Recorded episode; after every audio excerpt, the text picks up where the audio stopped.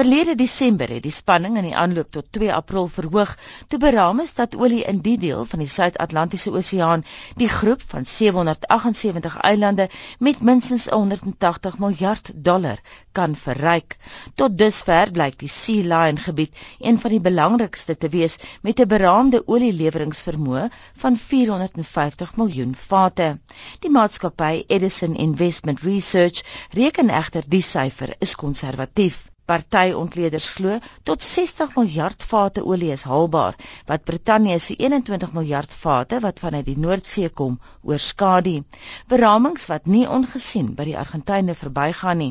Die Argentynse ambassadeur in Pretoria, Carlos Cersale di Sedisano, glo die Britte het nou 'n ekonomiese motief om gesprekke oor die Falkland Malvinas se soewereiniteit te vermy. Self-determination is just an excuse to occupy Mediterranean area that is very rich in fisheries that are profiting 1.6 billion US dollars a year. Oil exploration that is expected to have 177 billion US dollars and give 3 million dollars per capita to each of the inhabitants of the Malvinas. The militarization is just to protect those economic interests. Die Britse hoofkommissaris in Pretoria, Dr Nicola Broe, stem glad nie saam nie. The prospect of oil reserves in the South Atlantic really haven't changed things much. As what happened in 1982 showed, the UK was fully committed to the defence of the Falkland Islanders before anybody knew anything about the possibility of oil or gas. Ambassadeur Sale Di Serisano sê Icona, die Argentynë het reeds hulle somme gemaak en tot een gevolgtrekking gekom we Argentina we consider illegal all the exploration that these British and American companies are doing in the area. What we want is to sit with the UK to negotiate all these issues. Argentinië is laas Desember gesteun deur die Suid-Amerikaanse handelsblok Mercosur wat ooreengekom het om skepe met die Falkland-eiland vlag toegang tot hawens te weier. In 'n sterk bewoorde verklaring het Mercosur gesê die Britse en Amerikaanse olie-eksplorasie skree teen pogings om 'n vredesame oplossing te vind. Op Dinsdag 28 Februarie vergader die Argentynse minister van Handel, Deborah Giorgi, in Buenos Aires met 20 van haar land se topsakelei en vra hulle om nie met Brittanje handel te dryf nie. Die Britse hoofkommissaris in Pretoria, Nicola Broe, glo minister Giorgio se uitlating was 'n groot fout.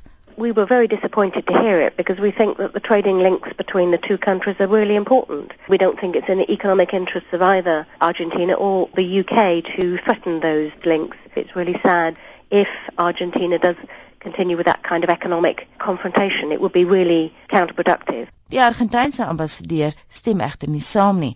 Hy sê handel met die VK maak minder as 1,5% van Argentinië se algehele invoere uit.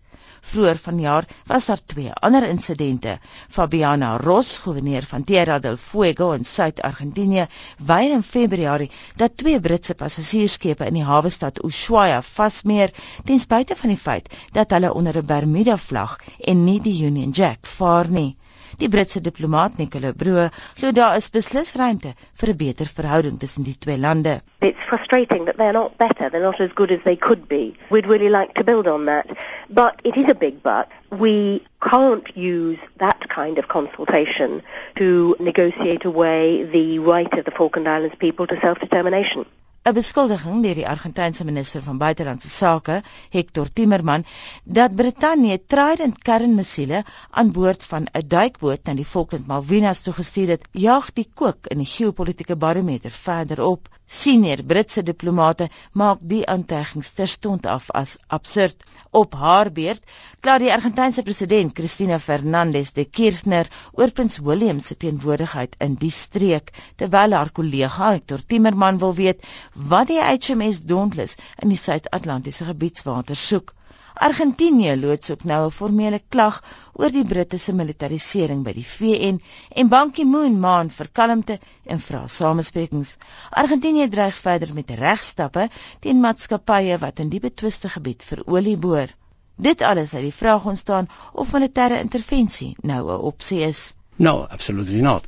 Our constitution from 1994 says that the only way to deal with the Malvinas issues is through diplomatic negotiations. We don't see any um, current evidence of a military threat and don't think there's any need to increase our military personnel or assets there. But what we call our defence posture hasn't changed. We are fully committed to the defence and security of the Falkland Islands. Dit beteken egter nie die twee partye is dit eens oor wat die Argentyne as die kolonialisering van Argentynse grondgebied beskou nie. We think the Decolonisation Committee, the one called um, C24, the list of what they call non-self-governing territories is a bit out of date. Every year, the Falkland Islands send two democratically elected representatives to speak at that committee. And they want that decolonisation committee to stick to the principle of self-determination, which is actually in the UN Charter. When you look at the decolonisation committee, they are not participating. They send